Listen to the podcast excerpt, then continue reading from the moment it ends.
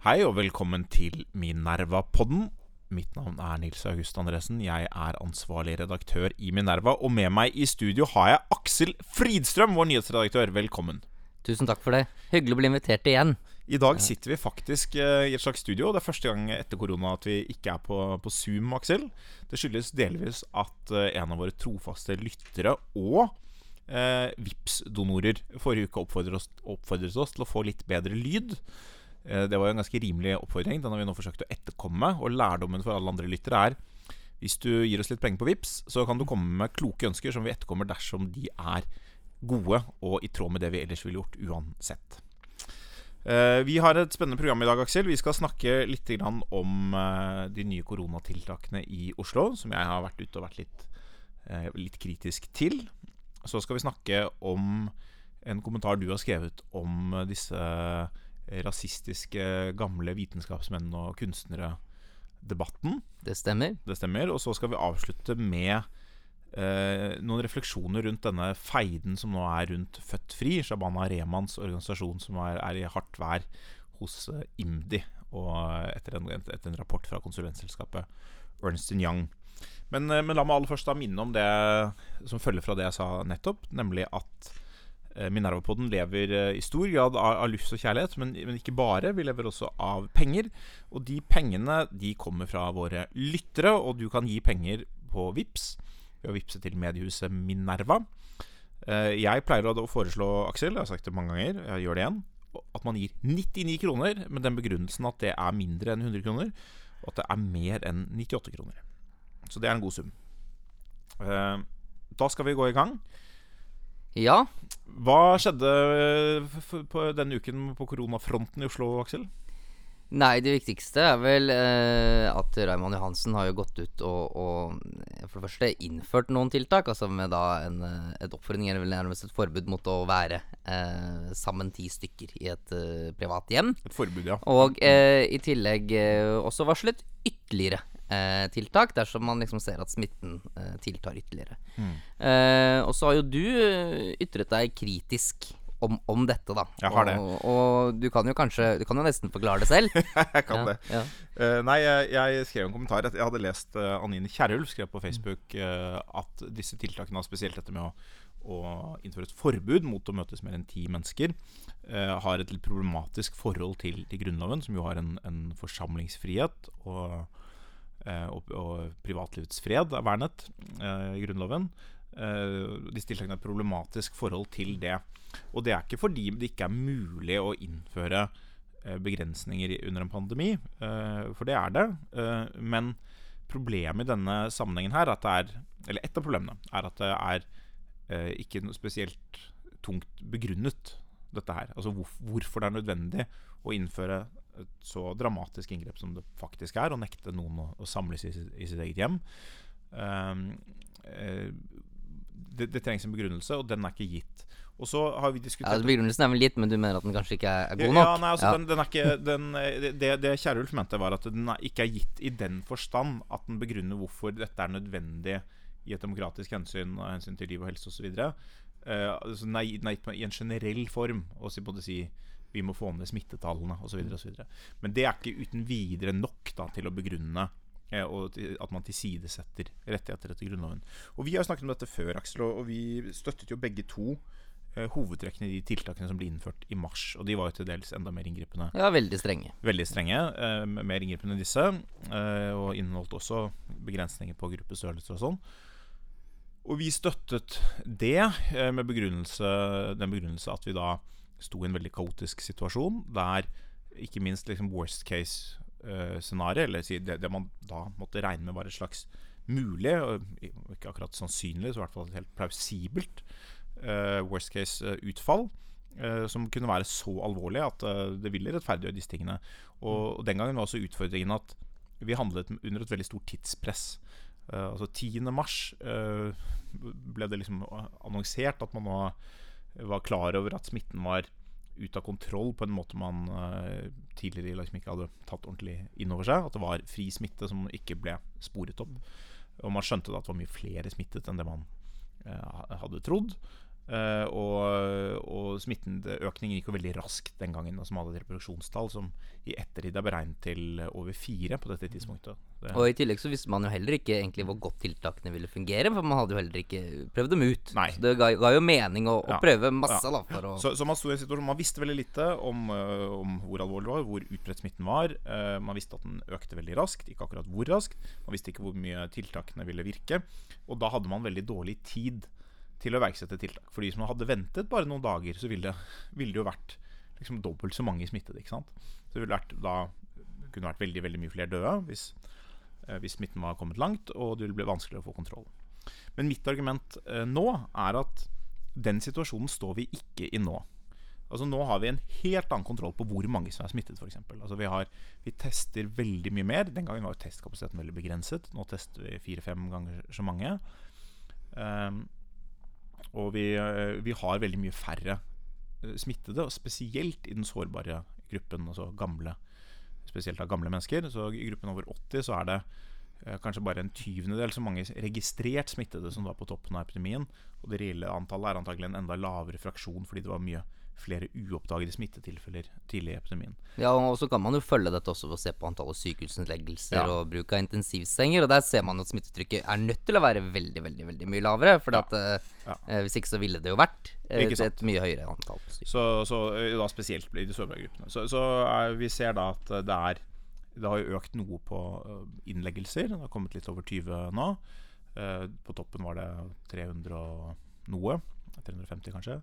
Eh, På intensiv er det jo veldig lite. Eh, Det var én da jeg skrev kommentaren, nå har det kanskje blitt eh, to. Ingen på respirator. Så det forteller oss noe.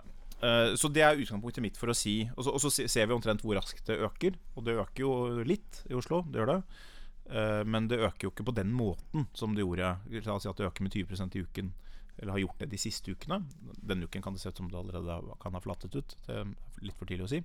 Men det har økt med kanskje 20% i uken, mens det liksom på toppen av, økonomi, eh, av epidemien økte med kanskje 400 i uken. Så det er, liksom, det er to helt forskjellige verdener som gjør at også om man skulle mene at disse tiltakene er verdt det, så, så har vi mye bedre tid og hadde ikke trengt å, å innføre dem uten en ordentlig begrunnelse for hvorfor det var verdt det. Og så må vi snakke litt om om det faktisk er verdt det. Men jeg vet ikke om du Vi var jo enige sist, Aksel, men jeg vet ikke om vi er vi enige denne gangen også, eller er du litt mer positiv? Til Jeg, tror, jeg, jeg er jo Jeg er ikke uenig med deg, men jeg tenker det er jo noen relevante Relevante eh, innvendinger mot det du argumenterer for. For at eh, det som man eh, jo må diskutere, da, ikke sant, er Eller det, man, det vi har funnet ut da, er jo egentlig at tiltak mot korona egentlig fungerer veldig mye bedre enn det man hadde trodd. Altså Det er jo det man har funnet ut når man har stengt ned landet. Og da blir jo spørsmålet, ikke sant, skal man respondere på det ved å ha egentlig mindre tiltak? Eller skal man si at nå fungerer tiltak så bra da, at vi liksom, nå kan vi faktisk forsøke å liksom å fullstendig liksom uh, forsøke å eliminere smitten fra samfunnet da, frem til man liksom får en vaksine. Og hvis man velger den, den siste strategien, så kan det jo også være hensiktsmessig med veldig veldig, veldig strenge tiltak for veldig veldig lite smitte. Egentlig sånn så sier vi at ok, det kommer aldri noe stor koronaepidemi til Norge igjen. Og så bare venter vi på at vi får en eventuell vaksine i februar, mars eller når det måtte være. da. Det er vel på mange måter det som litt sånn implisitt og, og, og gradvis bare ha- har blitt eh, den norske koronastrategien. I, I hvert fall er det den som Raymond Johansen synes å følge i Oslo. Eh, nasjonalt er det ikke like tydelig, kanskje. Men, eh, men det, det er jo det, det andre punktet som jeg stiller spørsmål ved da, i, eh, i min kommentar. Det, det første er dette liksom at vi har, er, vi har tid. Vi, det er ikke sånn at vi må gjøre dette eh, veldig raskt eh, og uten noen begrunnelse eller utredning. Og sammen med den utredningen så kommer jo da det andre poenget at er det faktisk verdt det? Er en sånn slående strategi verdt det? Og, og jeg er positiv til at det er lite smitte, og det, det beste hadde jo vært om man med lite inngripende tiltak faktisk kunne holde smitten veldig lav. Eh, Men man får jo da et spørsmål eh, om eh, hvor inngripende kan de tiltakene være. Altså, det er jo, vi kan ha en strategi der vi håper å holde smitten med et under altså, eller bare holde den nede, dersom de tiltakene ikke er veldig kostbare. Men hvis de blir veldig kostbare, så mener jeg at vi nå er i en situasjon der vi i så fall må foreta en ganske nøktern og kjølig kost-nytte-analyse. Nettopp den typen analyse som jeg mente man på en måte ikke nødvendigvis trengte å gjøre på samme måten i mars. Altså, det ligger jo en form for, på kost-nytte-analyse der også, men da var liksom worst case-scenario en kollaps. Det scenarioet er ikke der lenger. Vi, kan, vi vet at vi kan unngå en, en kollaps i helsevesenet eller en overbelastning i helsevesenet. Vi vet at vi har virkemidlene, vi vet at vi har tiden. Så virkemidlene vi bruker nå, det må være å si at vi den kostnaden som vi påtar oss gjennom tiltak, den må være verdt de livene som vi forventer å spare gjennom de tiltakene. Versus da altså jeg, mener, jeg mener ikke at vi skal slippe helt opp. Hvis vi slipper helt opp, så kan vi komme i en situasjon der vi mangler kontroll. Men, men uh, si Oslo før Raimonds tiltak, Oslo etter Raimonds tiltak. Hva vil være den langsiktige forskjellen i, i dødsfall og, og, sykehusinnleggelser, og hva vil være prisen? Og, og, jeg mener også at vi på en måte kanskje litt for lett har, har uh, begynt å altså at, vi, at vi tar for lett på kostnadene en del sånne tiltak har. Og spesielt de som ikke er direkte økonomiske. Sånn som dette med å samles. Da, det er ti stykker, Jeg har sett mange på Facebook sier sånn, det er jo ingen kostnad i det hele tatt. Og det er jo nesten, nesten alle grupper i samfunnet syns at de tiltakene som rammer dem selv nærmest, de er de aller verste. Så de som bor i utlandet, eller vil til utlandet, de er fortvilt over reiserestriksjoner. De som jobber på restaurant, de er fortvilt over eh, barrestriksjoner. Og, men de som har behov for å, å, møtes og få venner og få kjærester og gå på fester og feire 18-årsdager og konfirmasjoner og dåper og siste familiesamling før oldemor dør og den type ting, de kan være fortvilt over dette ti personer-forbudet, som også er, er prinsipielt litt problematisk.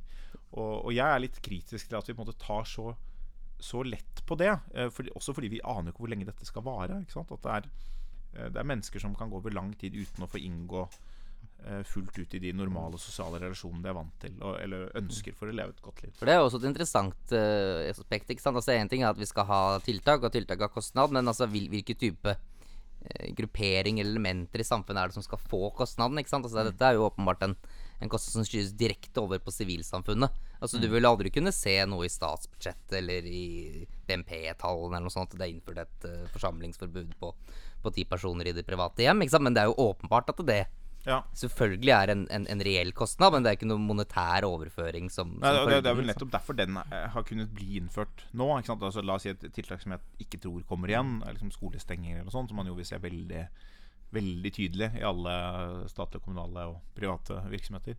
Denne her vil jo ikke vise seg på den måten, og jeg tror nok det er også grunnen til at man at beslutningstakerne rett og slett ikke har tenkt at det er et så dramatisk tiltak. Da. Men så har jo Raymond Hansen også varslet uh, det han har kalt svært inngripende tiltak hvis smitten nå ikke liksom går ned. Da. Og da er det vanskelig å se for seg at det kan være noe annet enn noe som også vil ha, kunne ha betydelige økonomiske konsekvenser. Så, så, det jeg tar til orde for, egentlig min kommentar, eh, det er at vi, vi, er nødt til å diskutere hva som egentlig er strategien. Er strategien nå å si at vi på en måte for enhver pris, nærmest, eh, må vi holde oss til at smitten skal være nærmest null? Frem til en vaksine. Og det, altså En sånn strategi må jo i hvert fall basere seg på at den vaksinen kommer ganske snart. Ja.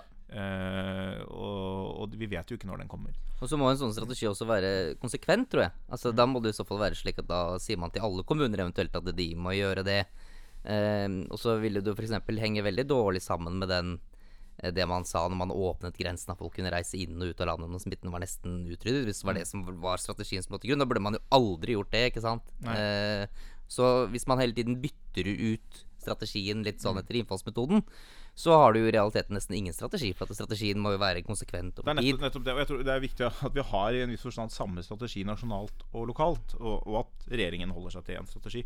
Mitt inntrykk av regjeringen har vært at Dette har vi snakket om før, Aksel. Men at opprinnelig så var jo målet ikke å slå dette helt ned. Det trodde man ikke var mulig. Så målet var en slags bremsstrategi.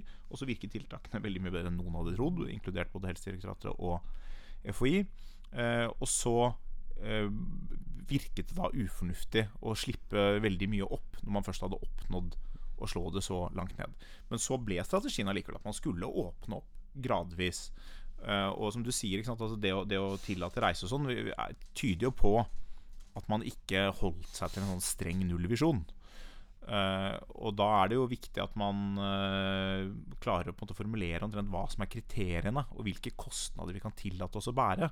Og jeg har formulert det før som at det er, måte, det er folket som velger strategien. Uh, altså hvis, man følger smittevernrådene godt, så, så, vil, være, så vil smitten holde seg lav med tiltak som ikke har en veldig høy kostnad. Men hvis man ikke gjør det, da vil, da vil jo smitten gå noe opp. Eh, men så lenge den ikke eksploderer, så er det ikke åpenbart at det er riktig å iverksette veldig kostbare tiltak. Men da vil vi få mer av en epidemi. Så Sånn sett blir det på en måte folket som velger strategien litt. Med mindre myndighetene sier vi vil slå ned for enhver pris, og da innfører litt mer sånn drakoniske tiltak ved, ved liksom enhver økning i smitten. Så det kan man da lese mer om, eh, Aksel, i min artikkel. Um, men vi skal gå videre til eh, et helt annet tema, for du også skrevet en artikkel denne uken. Og hva handler den om? Den handler om den pågående eh, debatten om eh, døde, døde, døde rasister, handler den vel i all hovedsak om. Og hvordan de, eh, enten de var rasister eller ikke var rasister, eh, blir behandlet. I dag. Med, dem, i dag, med da denne nye eh, internasjonale sporten, holdt jeg på å si, om å ta, ta avstand da fra folk som er døde pga. holdninger de da måtte ha hatt for, eh, for flere hundre år siden. Og det er jo da Vi har tre det er, jo, eksempler. det, er jo, det er tre eh, nå. eksempler jeg tar opp. Det ene er jo eh, Det er jo eh, veldig kjent her. Det er jo et lokalt eksempel i bydel eh, Grünerløkka, eller bydel Gamle Oslo, som vedtok å fjerne dedikasjonen til den svenske botanikeren Carl von Linde i eh, Botaniske hage. Ja, og opp, oppfordre Ja, ja. UiO til å fjerne Ja, de har oppfordret mange til å få den fjernet. Og så eh, er det jo et annet eksempel, og det er jo dette oppropet om å få byttet ut eh, en, eh, navnet til David Hume fra en universitetsbygning i Edinburgh.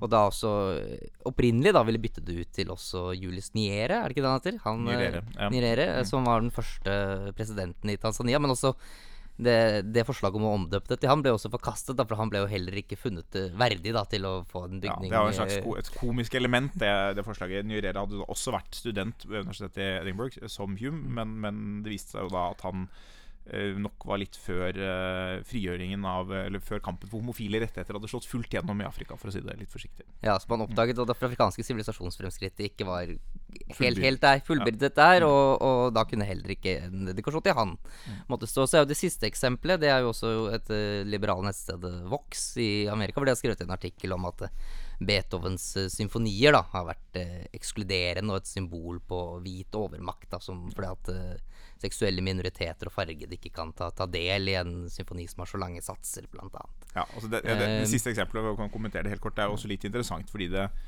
det fremstilles uten at det reflekteres noe særlig over i teksten, som om kvinner, seksuelle minoriteter, fargede og folk som ikke er middelklasse, ikke evner å lytte Til en lang Over lang tid Ja. til komplisert musikk. Og det er jo litt sånn, Man kunne jo si, at jeg var både rasistisk og kvinnefiendtlig og eh, helt uforståelig uh, egentlig overfor alle disse gruppene. Men, men det reflekterer ikke noe mer over. Men uansett Men, men uansett så er jo kjernen i mitt argument, og det er at uh, når man da sier at det liksom alle disse uh, fremragende kunstnerne og vitenskapsmenn da ikke lenger liksom kan hedres eller få en oppmerksomhet i vårt moderne samfunn fordi man mener at det er et eller annet med dem eh, som gjør at de ikke når opp til dagens eh, standarder, så er jo det man i realiteten gjør, at man tar liksom de mest fremragende intellektuelle skikkelsene, og så sier man at de er, de er ikke gode nok for det moderne samfunnet. Men da gir man jo også liksom til de som faktisk er reelt intolerante og rasister. Altså De vil jo kunne si ja, men se her, den rasistiske idétradisjonen har jo disse fremragende intellektuelle. intellektuelle. Så da må jo det vi sier er kjempefornuftig. Og så blir jo liksom de som skal forsvare det moderne, liberale samfunnet, de blir jo da sittende igjen med en del sånne moderne akademikere som nesten ingen vet hvem er, utover intranettet på den institusjonen de, de jobber. Så jeg tror ikke at det er en Jeg tror det er veldig kontraproduktivt, da, hvis du ønsker eh, en, en kamp mot eh, rasisme og fordommer. Jeg, jeg syns det var en, eh, en fin artikkel, eh, Aksel. Eh, og en av grunnene til det var altså Det er ofte sånn når folk sier noe man er enig i selv, da syns man ofte er en god artikkel. Men denne gangen så var det som slo meg, var at eh, jeg forsøkte egentlig i podkasten forrige uke å formulere noe på dette punktet her. At det var synd om at man skal forbinde disse fortidige tenkerne først og fremst med rasisme. Men jeg klarte ikke helt å få frem akkurat hvorfor. eh, Jeg klarte ikke å analysere hva som var grunnen til at jeg tenkte det. For det er jo, jeg mener jo, og det har vi snakket om før også, at det er jo det er fornuftig at, at vi kan diskutere at Hume var rasist, som han var, det må vi kunne diskutere i dag og kritisere. Og måte, av og til reflektere over om det har noen sammenheng med hans øvrige filosofi. Og, og sånn. Men det som er synd ved at vi først og fremst behandler dem som rasister, er jo på nettopp det at vi setter dem liksom utenfor vår egen idétradisjon. Eller vi, vi, vi vil liksom ikke ha dem på vårt lag. Vi setter dem over på, på motstanderens lag, rasistlaget. Hvis det først og fremst er det vi forbinder dem med. Og da kan jo de si, sant, som du sa Se her, her har vi Churchill og Hume. Og, og Beethoven og Kant og Aristoteles sikkert og liksom alle, Alle, sammen. de. Welcome to the dark side. Her er det liksom øh, Og alle, alle forfatterne og all moroa skjer der. Ikke sant? Det er et problem. Og det er en veldig unødig måte å gjøre det på. Og det, det er også sånn øh, hvis, hvis, du ser på andre typer liksom, feiltrinn da, fra, fra, fortidens tenkere, hvor de bare tok feil, altså, som at Aristoteles delte som du skriver, Aksel, delte verden inn i en sublunar sfære og en eterisk sfære, eller et eller annet sånt. Uh, så er det sånn Det er ikke det vi forbinder med Aristoteles i dag. Det var en uinteressant tanke. Han tok feil, han var preget av sin tid. Uh, og han hadde kanskje noen egen tanker på det punktet også, men det, er ikke det som står igjen etter ham. Det er ikke derfor vi har tatt ham inn i vår kanon. Og sånn er det jo på en måte litt med, med disse andre feiltrinnene. Ikke at vi ikke skal snakke om dem eller tenke over dem, men uh, hvis vi ikke klarer også å, å, se hva det er de bidro med til av positive ting til, til vår kultur og sivilisasjon og til verdens fremskritt, for å si det litt mer ambisiøst, eh, så, så, overlater vi dem i en viss forstand til andre som vil ha dem. da Og det høres ikke så lurt ut. Nei, det høres ikke så lurt ut. Og det er nok ikke bare heller et problem som nødvendigvis også bare har med disse fortidstenkerne Det kan nok også være at det er personer i vår egen samtid som kanskje også føler at de liksom ikke får lov å være med når liksom rasismebegrepet blir utvidet til det blir bredere og bredere og bredere, så man favner over at flere og flere faller inn under det, uten at de kan kjenne seg igjen i det. Og Det som er synd, altså det som er både det, kanskje uunngåelig i forstand, men når dette du sier det er blitt en internasjonal sport å, å ta avstand, og det, det er i hvert fall blitt en veldig liksom, tydelig aktivitet, da, at man leter opp ting. og, og og noen ganger, altså, noen ganger, så treffer jo det riktige ting og viktige ting. Jeg mener jo litt at det var Jeg synes det var interessant egentlig å lese om Hume, fordi jeg har lest ganske mye Hume. Og synes det er mye interessant der Og var ikke klar over hans uh, syn på, på, rase, og så eksplisitte ideologiske syn på, på det. Uh, så det kan være nyttig iblant, syns jeg. Men, uh, men det er ikke alltid sånn at det er liksom At det er det som er det man ønsker å gjøre når man leser disse tenkerne. Nei. men, men, det, men annen, et annet problem, det var kanskje egentlig skulle frem til, at når man blir så nidkjær, så blir det også masse feil. Vi har hatt denne debatten om Holberg, som har rast i Norge nå i Klassekampen og andre steder. Hvor Jeg skal ikke sitte og gi noen dom over, det, over hva som er fasit, men det er veldig lett å finne mye mer rasisme enn det er grunnlag for også. Både fordi man misforstår tiden, og fordi man, liksom, man tar ting ut av kontekst og, og, og er veldig nidkjærlig å finne formuleringer og sånn. Noe av det samme kan nok sies om Carl von Linné også at det argumenter som ble trukket frem liksom, Han fremstiller som moderne rasismens far, som er, er idehistorisk suspekt på, på mange måter, men, men, som også gjør veldig mye ut av at han har fem sider i en bok på 830 sider om mennesket, som begynner med å si å kategorisere alle mennesker måtte, sammen, som, og veldig radikalt for, for, sin tid, sammen med apene. Altså, mm. lenge før Darwin. Det var, liksom, det var våre slektninger. Og så kaller han alle menneskene for Homo sapiens. Mm. Det tenkende eller det vitende mennesket. Så, så, det er liksom introduksjonen. Og så, så, har han noen kategoriseringer som han har hentet fra andre, og liksom ikke er, uh, ikke er hans verk, egentlig. Og som til dels er også helt bisarre. Han har noen sånne villmennesker basert på noen historier om ville barn som vokste opp i skogen. og han har litt uh, sånn ting og tang her. Jeg tror orangotangene får også være med. Han har sikkert bare hørt om dem, og han har reist aldri utenfor Europa selv. Uh, dette var liksom ikke hans felt. Uh, han var opptatt av planter. Så, så, det er liksom noe med at man går Man har bestemt seg for å finne noe. Da er det også veldig lett å finne noe. Det det forverrer jo ytterligere det problemet du, du tok opp. Ja. Skal vi gå videre? Det skal vi gjøre. Vi, vi skal gå til, til en organisasjon som skal jobbe med ikke akkurat rasisme. De skal jobbe mot uh, undertrykkelse av, og sosial kontroll. Dette Født fri. Hva er saken her, Aksel? Saken der er vel at er, de er gransket, holdt jeg på å si, av uh, Ernst Young. Uh, blant annet for hvor da det som man undersøker, er jo hvorvidt de har, har misbrukt offentlige bevilgninger. Da. Og det er jo en, en pågående gransking hvor de også uh, bestrider en del av de funnene som, som er gjort. Og Eh, det er jo en sak hvor det vil, vil kunne komme frem eh, vil, vil komme, til dybden av hva som har skjedd og ikke skjedd der. Men jeg syns uansett at den, denne, denne, saken er eh, interessant også bare utover akkurat denne eh, organisasjonen spesielt. Mm. For den peker kanskje også på et problem som er litt generelt. La, meg først bare si, litt mer om saken, Aksel, så skal vi komme tilbake til, til ditt poeng. Altså, det er jo en, en sak som uh, har veldig mange interessante og liksom spesielle elementer. Den kommer en varsling fra tidligere medarbeidere hvor det åpenbart er liksom noe, noen Eh, personkonflikter av en eller annen art som, som uh, spiller inn. Det er en omstridt organisasjon. Shabana Rehman har vært omstridt i mange, innvandrermiljøer og antirasistiske miljøer for måten hun tenker om, om disse tingene på. Um, så Det er liksom ett bakteppe. Det fører også til at uh, man ser i sosiale medier hvordan reaksjonen på, på disse funnene for Young deler seg litt. De som liker Shabana Rehman og Født Fri, de er kritiske til den rapporten for Ernst Young. Uh, de som ikke liker henne, de sier at dette er et eksempel på at hun liksom er upålitelig, og at det har vært dårlig styrt. Og, og, så videre. og jeg merker jo litt jeg, prøver å unngå liksom havne i den situasjonen at jeg er enig med, med det dem jeg heier på. Men jeg, jeg liker jo uh, på mange måter Født Fri og har sympati med det de kjemper for, og, og en del av de tingene de har, har, gjort i offentligheten. Og merker at jeg er ikke, liksom, jeg er ikke per i dag superoverbevist av den rapporten til Ernst Young. Uh, men det er som du sier, vi får sikkert vite mer om dette etter hvert. De har fått en tilsvarsfrist fra IMDi for å svare. Men eh, du reagerer på et helt annet aspekt, Aksel. Hva er det? Ja, altså Når jeg leser det som er omtalt av funnene fra Ernst Young sin rapport, så tenker jeg at uh, dette fremstår egentlig som ganske normalt i, i den norske ide ideelle sektor. For det, at, det som jo er, er tilfellet her, er at denne organisasjonen er jo nærmest lagt på vei nesten opprettet på et politisk initiativ. At vi trenger en organisasjon vi kan bevilge øh, penger til. Kan du, kan, kan, kan du lage den organisasjonen? Og så, og så kommer pengene. Ja. Eh, og, det er Abid Raja og Trine Skei Grande som da altså mer eller mindre trengte å vise at de kunne bevilge penger til et eller annet formål. Og så måtte Fantes ikke det formålet, så måtte det opprettes, eh, nærmest. Og det er ikke uh, det, det, Dette er kanskje et uh, Akkurat hvordan den organisasjonen spesielt ble til, er nok kanskje et, et, ekstremt eksempel, men, men det viser noe egentlig over en ukultur om hvordan en del ideelle organisasjoner kanskje får lett får penger ut av staten fordi at de har de relevante nettverkene til, til å klare å, å, forhandle frem det i forhandlinger med andre partier.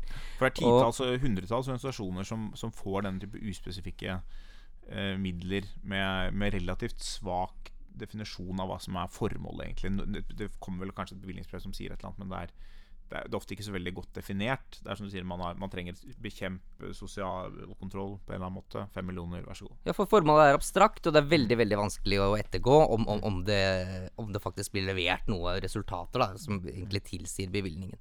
Så er det ikke sikkert at absolutt alle som får penger av staten, må ha et et uh, resultatmål som liksom er 100 etterprøvbart. Mm. Men uh, her er det i hvert fall en situasjon hvor det er utrolig mange organisasjoner som jobber etter sånne abstrakte mål, mm. og hvor de klarer å, å, få penger ut av alle disse forhandlingsprosessene mellom, de, uh, mellom, mellom partiene på Stortinget. Og ser man f.eks. bare på de budsjettforlikene som er laget uh, under borgerlig regjering nå, da, mm. særlig når det er ett av partiene som ikke er med i regjering, slik at det ikke er en flertallsregjering, mm. så vil man nå si at det er en smørbrødliste mm. på ulike ideelle organisasjoner, som da får 1 million, 2 million, 3 millioner kroner. Mm. Eh, og så tar de jo, i all hovedsak, så vil jo de da også kunne eh, gjerne bruke de pengene gjerne til å ansette seg selv. Det er jo som regel det som skjer. Og så blir det da en formuesoverføring fra statskassen til privatpersoner via disse ideelle organisasjonene. For Hvor det er veldig veldig vanskelig å se, eller i hvert fall dokumentere, mm. at det egentlig fellesskapet mm. får så mye ut av disse bevilgningene.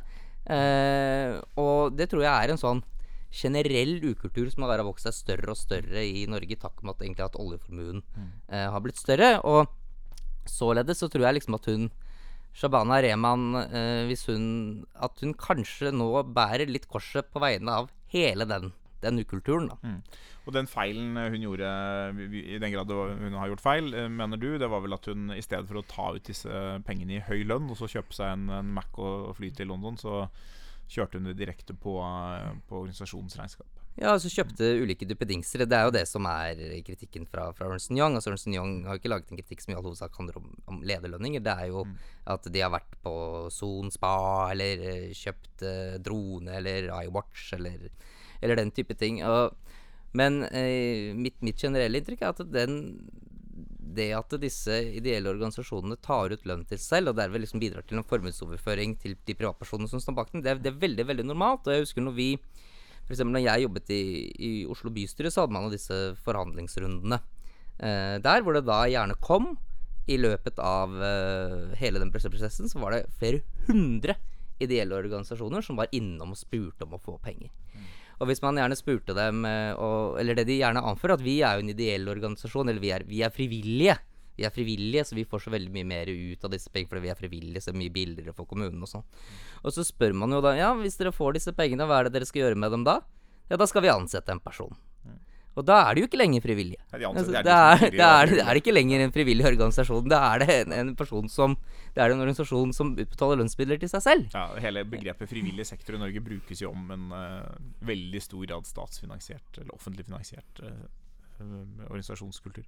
Men uh, det var litt interessant, Aksel. Du har, har jo nå havnet i den situasjonen at du langt på vei er enig med Eivind Tredal. Det skjer jo ikke hver dag. For han har skrevet omtrent det samme uh, resonnementet på Facebook. Ja. Uh, han har også sittet i bystyret i Oslo og kanskje opplevd det samme som deg. Hans lø- løsning Han sier jo noe sånt som at uh, ja, de, de, de, vi må gi masse penger til frivillig sektor. Eh, så, men kanskje vi må ha liksom, en annen ordning. Søknadsbaserte ordninger eller liksom, generelle ordninger. Eller faste poster eller et eller annet sånt som ikke er hvert år. Men det er jo et interessant tankeeksperiment iblant. Da? Altså, en annen organisasjon som har vært på en tilsvarende ordning, er jo Human Rights Service som uh, har hatt et veldig vagt formål. Det lå også lenge under IMDi, vel, og, og hadde da et helt uklart formål, eh, måloppnåelse Hvor man skulle måle om de bidro til integrering. Mange ville vel kanskje hevde at eh, de bidro motsatt vei. Eh, Så ble de flyttet da det ble for eh, liksom, vanskelig, til en annen post, men helt uklar. Liksom, nærmest ikke noe mål overhodet. Men uh, man kunne jo tenke seg altså, hva, Kanskje både HRS og si Antirasistisk Senter Kanskje begge to ville vært fornøyd hvis man kuttet støtten til begge to.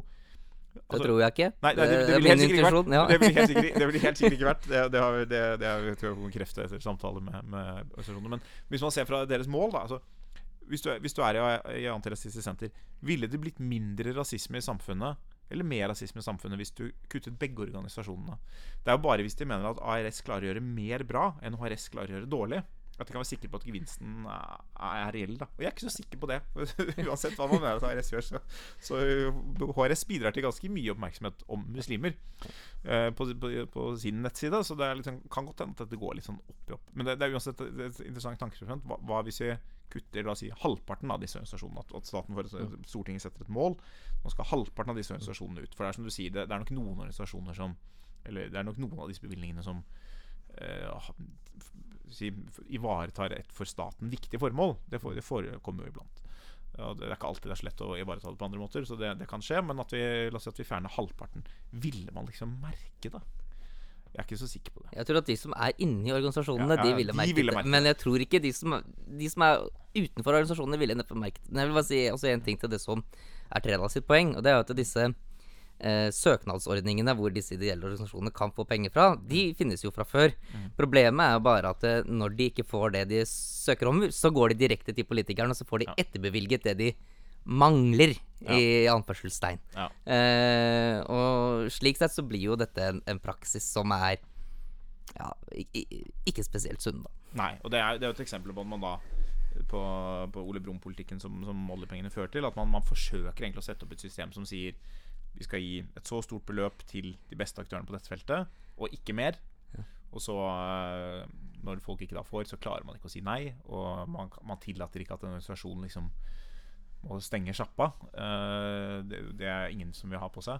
Og det, det skjønner jeg litt, men, men jeg, jeg tenker jo av og til at jeg tror veldig mange av disse menneskene eh, kunne jo hatt mye bedre Gjort mye mer nytte for seg andre steder. Og så får vi kanskje avslutte Aksel, med å si at vi, vi sitter i et glasshus her når vi snakker om dette her. Vi får pressestøtte og, og jobber i dypt subsidierte arbeidsplasser her, her i Minerva også. Men, eh, men i motsetning til andre så er vi da i hvert fall villige til å diskutere kritisk denne støtten som vi sjenerøst får fra skattebetalerne. Og hvis man setter pris på den kritikken, så kan man gi oss enda mer penger. Ja, Ja, så, så, så det får vi si så, til, så, så dypt sitter rekleriet. Så får vi si, si til, til våre lyttere og presisere det også, Aksel, at vi får pressestøtte for, eh, for eh, avisen vår og, og abonnentene vi har. Men vi får ikke noe pressestøtte. Null kroner for å drive denne podkasten. Så det er jo liksom veldedig gjerning.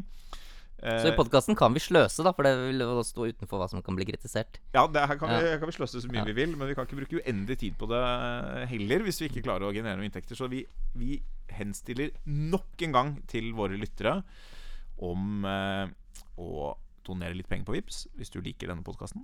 Så kanskje vi klarer å fortsette å eksistere. Det er selvfølgelig også mulig, og jeg vil til og med anbefale, å bli abonnent på Minerva. Og da kan man tegne årsabonnement for 699 kroner. Litt mer hvis du vil ha papirutgaven også. Eller månedsabonnement. Og ikke minst lese de sakene som blir diskutert. Og lese de sakene som blir diskutert. Og med de meget kloke ordene, Aksel, så ønsker vi god helg. Takk.